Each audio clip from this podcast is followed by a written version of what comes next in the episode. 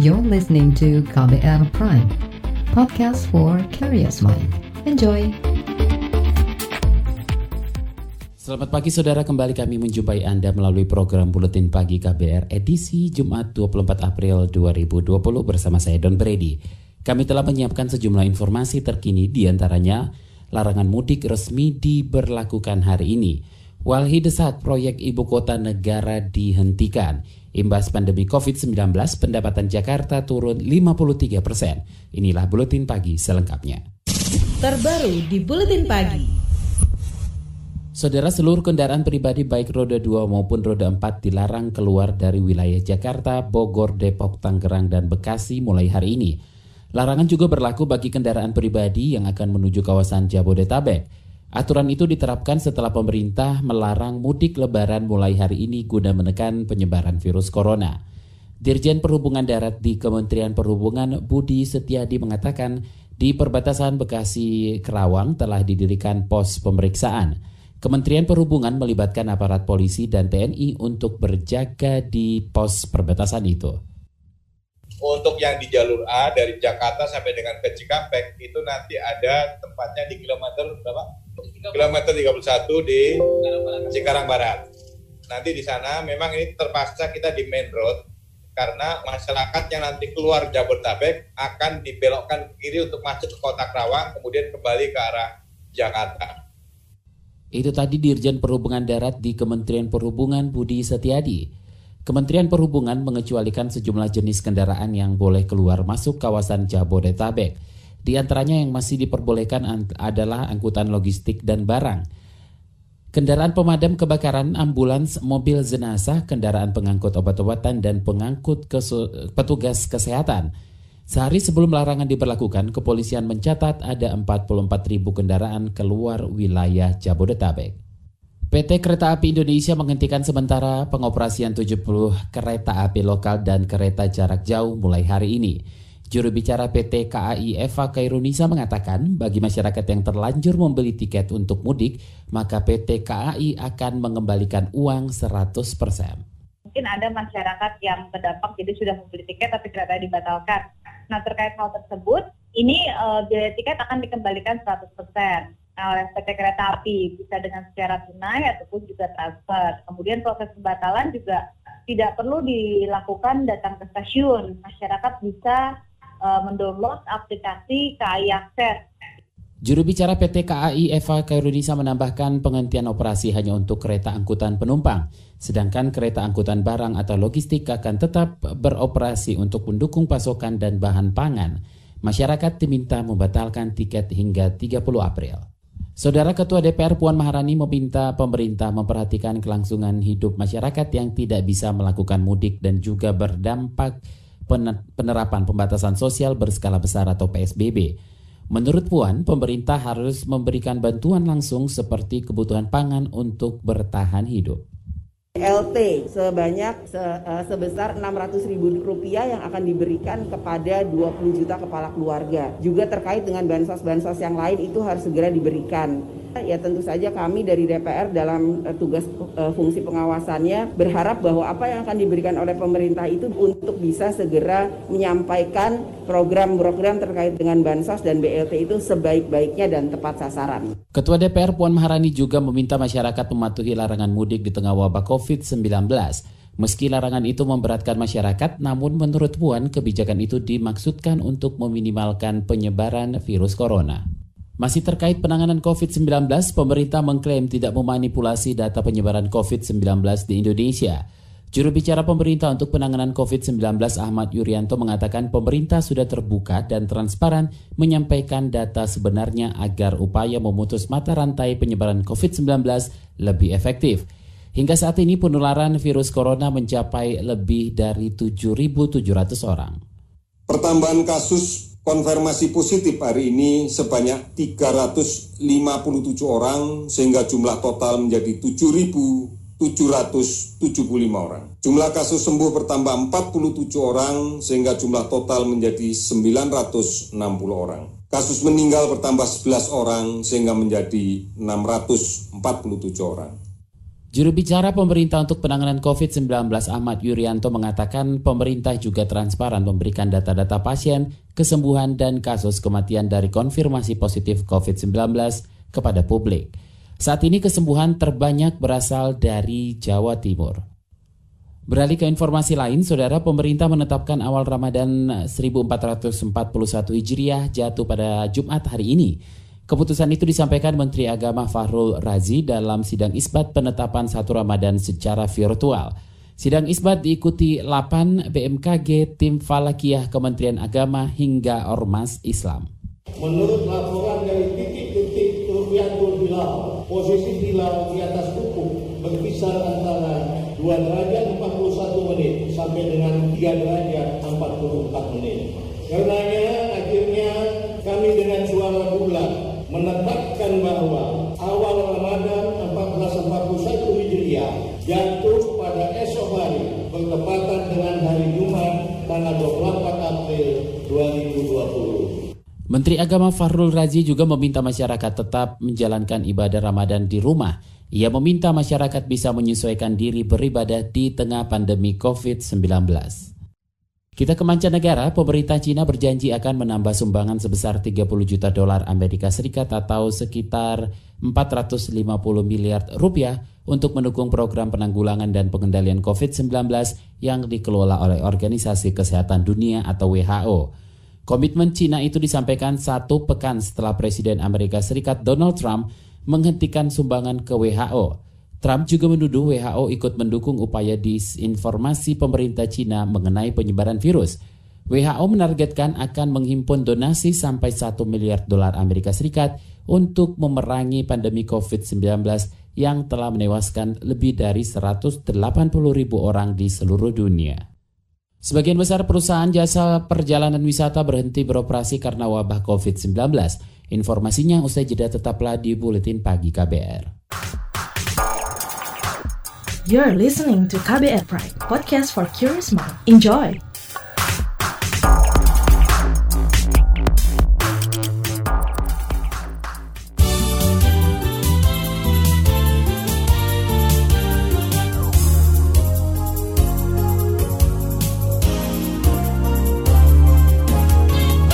Saudara sebagian besar perusahaan jasa perjalanan dan wisata di Indonesia telah berhenti beroperasi sementara sejak meluasnya penyebaran COVID-19.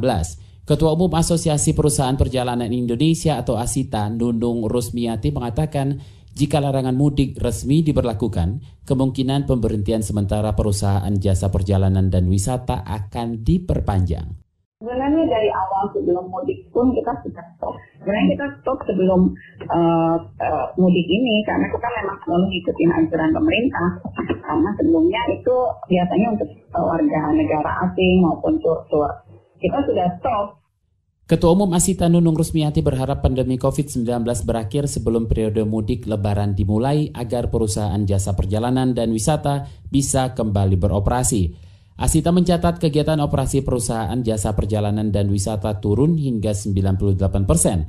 Sebanyak lebih dari 50 persen pekerja di Biro Perjalanan Wisata ikut terdampak pandemi COVID-19.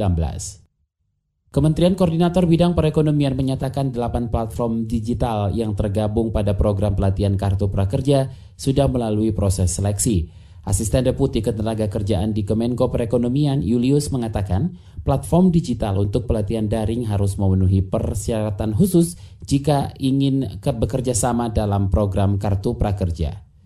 Misalnya memiliki cakupan nasional. Jadi ini harus kita benar-benar jangan yang cakupannya daerah. Memiliki IT yang memadai. Jadi uh, cakupannya juga IT, jangan yang IT-nya katakanlah abal-abal yang sudah nanti sulit diakses oleh masyarakat. Memiliki portal tersendiri. Nah itu juga dan juga mempunyai kerjasama dengan lembaga-lembaga pelatihan berbasis kompetensi kerja. Asisten Deputi Ketenaga Kerjaan di Kemenko Perekonomian Julius memastikan kinerja perusahaan platform digital pelatihan kartu prakerja akan dievaluasi setiap bulan. Pemerintah dan panitia program Kartu Prakerja saat ini masih membuka pendaftaran sebanyak-banyaknya bagi platform digital untuk ikut proyek pelatihan prakerja. Kita ke informasi lain, Saudara Koalisi Masyarakat Sipil mendesak polisi membebaskan aktivis kebijakan publik Raffio Patra. Raffio ditangkap polisi secara diam-diam setelah mengkritik sejumlah kebijakan pemerintah. LSM pegiat hak sipil SafeNet hingga kini masih mencari tahu tempat Raffio ditahan dan alasan penangkapan. Direktur Eksekutif SafeNet Damar Juniarto menyebut penangkapan ini sebagai kriminalisasi pegiat advokasi dan rekayasa kasus oleh pihak kepolisian. Damar juga mendesak polisi mengusut pelaku peretasan telepon seluler Raffio. Pelaku peretasan ponsel itu diduga menjebak Raffio dengan membuat pesan provokasi melalui WhatsApp.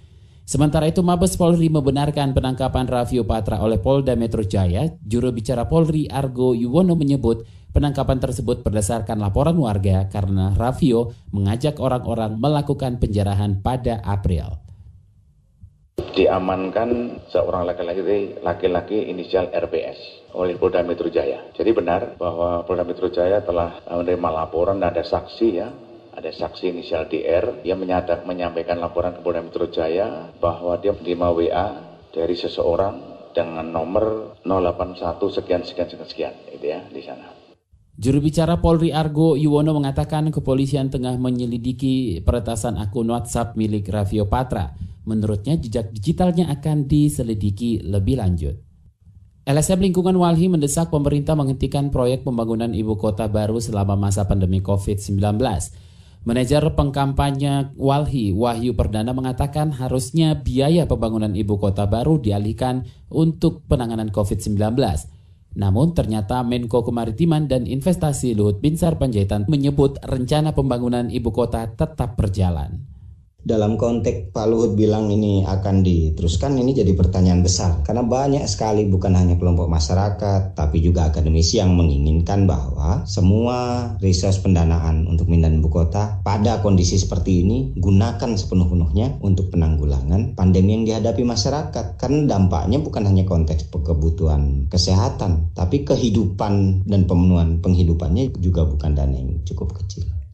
Manajer pengkampanye Walhi, Wahyu Perdana menambahkan jika proyek pembangunan ibu kota baru tetap dipaksakan, artinya pemerintah gagal menetapkan prioritas dalam kondisi pandemi COVID-19 ini. Sebab menurutnya pembangunan ibu kota baru akan hanya membutuhkan pendanaan besar namun juga sumber daya manusia. Laporan khas KBR tentang kisah relawan COVID-19 di garda terdepan akan hadir usai jeda tetaplah di Buletin Pagi KBR. You're listening to KBR Pride, podcast for curious mind. Enjoy!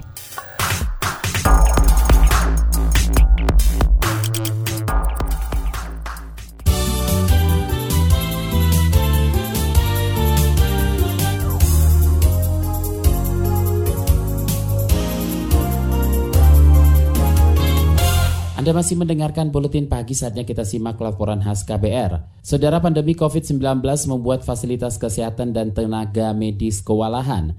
Pemerintah maupun berbagai kelompok masyarakat kemudian menjaring relawan untuk menopang kerja para pejuang medis.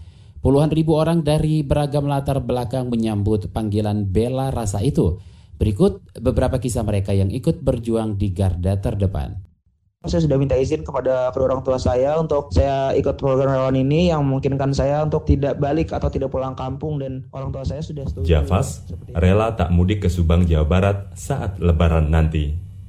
Ia memilih mendermakan tenaga dan waktunya sebagai relawan COVID-19 di Rumah Sakit Universitas Indonesia.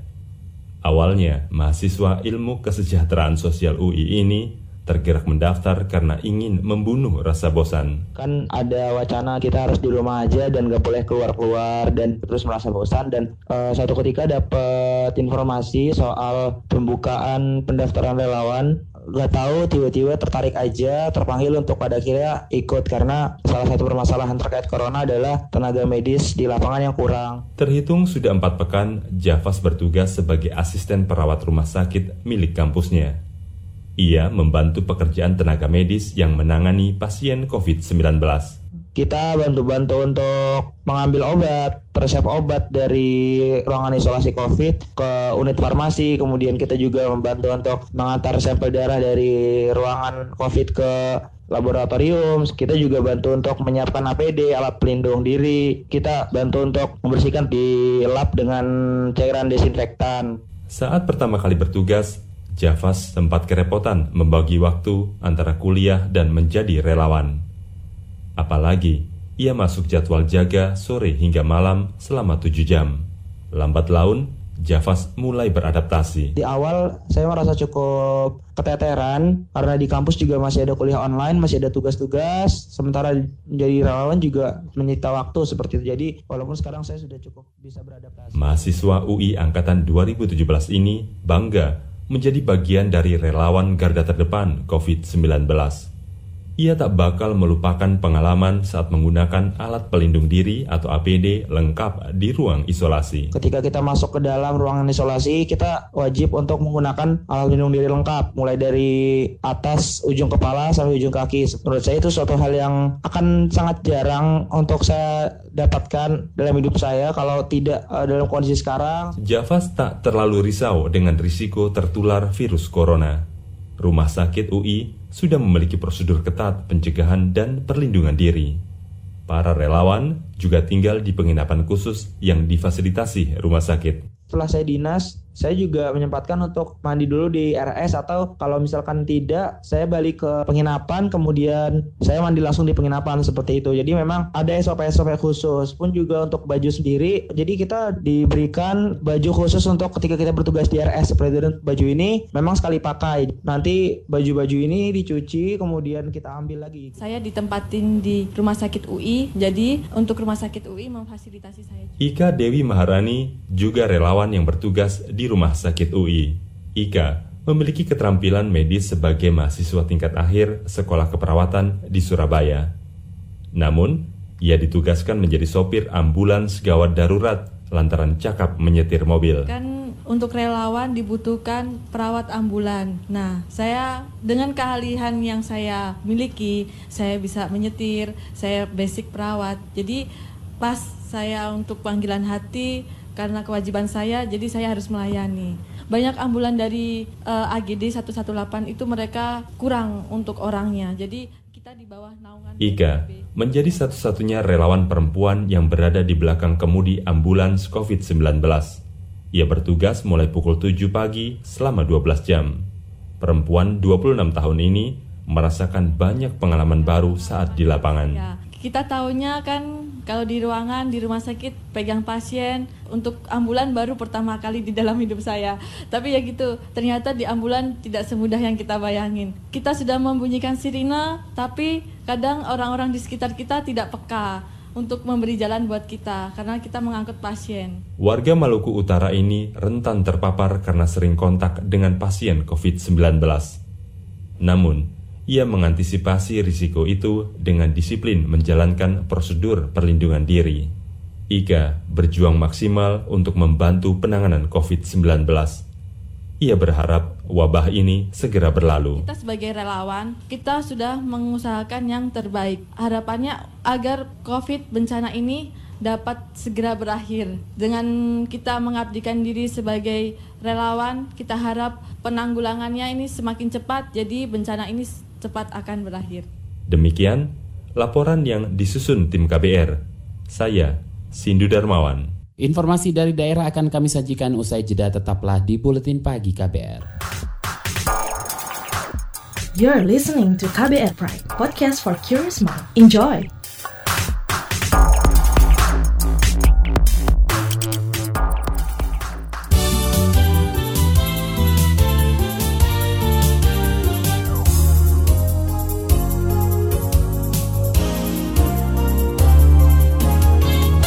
Inilah bagian akhir buletin pagi KBR. Pendapatan daerah Provinsi DKI Jakarta turun drastis akibat pandemi COVID-19. Gubernur DKI Jakarta Anies Baswedan mengatakan perekonomian ibu kota mengalami kontraksi hingga 53 persen. Akan tetapi pendapatan tahun ini mengalami pengurangan yang luar biasa. Mengapa itu terjadi? Pendapatan utama Jakarta adalah dari pajak dan pajak mengandalkan kegiatan perekonomian. Ketika kegiatan perekonomian turun, maka pajak yang dibayarkan turun. Ketika pajak yang dibayarkan turun, maka pendapatan Pemprov DKI juga turun. Itu sebabnya kita mengalami kontraksi hingga hampir 53 persen berkurang. Jadi anggaran kita tinggal 47 persen dari anggaran semula. Di tahun ini rencana anggaran belanja Jakarta mencapai 87 triliun rupiah. Gubernur DKI Jakarta Anies Baswedan menambahkan perencanaan tahun 2021 akan dibuat lebih realistis dengan mempertimbangkan kondisi perekonomian Jakarta saat ini. Ia menyebut Jakarta menjadi daerah yang paling besar terkena dampak ekonomi akibat wabah ini. Kita ke Banten, pemerintah kota Tangerang Selatan mempertimbangkan penerapan sanksi administrasi hingga pidana terhadap warga yang melanggar pembatasan sosial berskala besar atau PSBB. Wali Kota Tangerang Selatan Airin Rahmidiani mengatakan sanksi akan menggunakan pasal karantina wilayah sebagai dasar hukum pelanggar PSBB. Pasal itu memberikan ancaman pidana maksimal satu tahun penjara atau denda 100 juta rupiah. Di tiga hari pertama, empat hari pertama ini masih terus melakukan sosialisasi. Belum ada hukuman, sanksi, dan yang lainnya. Ini sudah menjelang di hari kelima, dan insya Allah di hari keenam ini kita juga akan terus lakukan evaluasi setiap hari, setiap malamnya. Kapan sanksi itu akan kita lakukan. Yang terpenting adalah bagaimana masyarakat bisa mengikuti protokol COVID, mengikuti PSBB, dan ada sanksi yang melekat. Ini yang sedang kita bahas, diskusikan. Jangan sampai sanksi ini pun juga menjadi blunder. Wali Kota Tangerang Selatan Airin Rahmidiani mengaku terus mengevaluasi efektivitas penerapan PSBB. Menurutnya harus ada penerapan sanksi karena masih ada masyarakat yang tak memakai masker saat keluar rumah. Imam Masjid Istiqlal Nazarudin Umar meminta masyarakat beribadah di rumah selama bulan Ramadan. Nazarudin mengatakan salat tarawih di rumah tidak akan mengurangi keutamaan ibadah Ramadan. Ia juga meminta umat muslim mementingkan kesehatan saat pandemi COVID-19 terutama setelah ada himbauan dari Bapak Presiden. Diperkuat lagi kemarin sore dengan adanya himbauan dari Bapak Gubernur DKI Jakarta. Ditambah lagi setelah kami komunikasi dengan imam-imam besar di sejumlah negara Islam yang juga melakukan hal yang sama, maka barulah kami menetapkan bahwa hari ini untuk dua Jumat yang akan datang, Masjid Istiqlal itu kita tidak menggunakannya untuk sholat Jumat. Imam Masjid Istiqlal Nazarudin Umar juga mengimbau masyarakat tidak pulang kampung karena berpotensi menularkan virus COVID-19 ke daerah lain. Nazarudin mengingatkan pengelola masjid tetap dapat aktif menerima zakat selama Ramadan. Informasi tadi menutup jumpa kita di Buletin Pagi hari ini. Pantau juga informasi terbaru melalui kabar baru, website kbr.id, Twitter kami at berita KBR, serta podcast melalui kbrprime.id. Akhirnya saya Don Brady undur diri. Salam.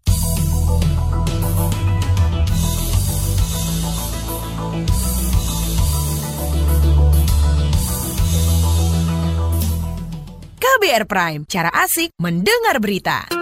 KBR Prime, podcast for curious mind.